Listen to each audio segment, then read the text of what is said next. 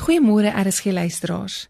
Vanoggend praat ons oor vlug jy, veg jy of vries jy? Nou baie mense hou geensins van konfrontasie nie.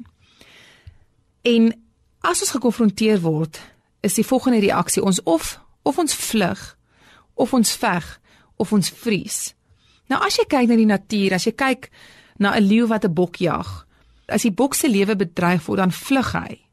Ons kyk ook na 'n mannetjies leeu wat 'n vir die alfa mannetjie leeu is. As sy as sy posisie, sy rang bedreig word, dan veg hy.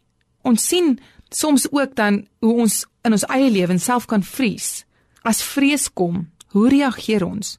Die eerste ding wat ek vir jou wil sê is, sodra vrees kom of konfrontasie kom in jou lewe, moenie paniekbevange raak nie.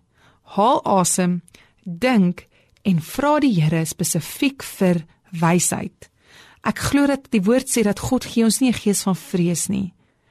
En ek sal nou verder praat oor wysheid, maar dit sê as ons kyk na die lewe van Ester in die boek van Ester, sien ons hoe haar lewe in gevaar was. Haar hele volk se lewe was in oorvaar, maar sy het wel oorwin. En wat het Ester laat oorwin? Een ding, sy het 'n gees van wysheid gehad. God het vir haar wysheid gegee.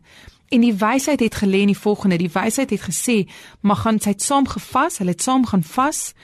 En op die regte tyd, sy het gewag vir die regte tyd, het sy gespreek en God het guns gegee om 'n hele nasie te red.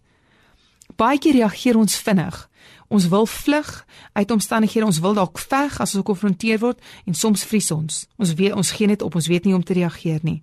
Maar glo dat Jesus vir ons oorwinning wil gee en juist deur dit dat jy sal asemhaal, sal dink en vir daai oomblik vir God sal vra, sê Vader, gee vir my wysheid. Die boek van Jakobus sê dat as ons vra vir wysheid, sal God dit vir ons gee enige tyd.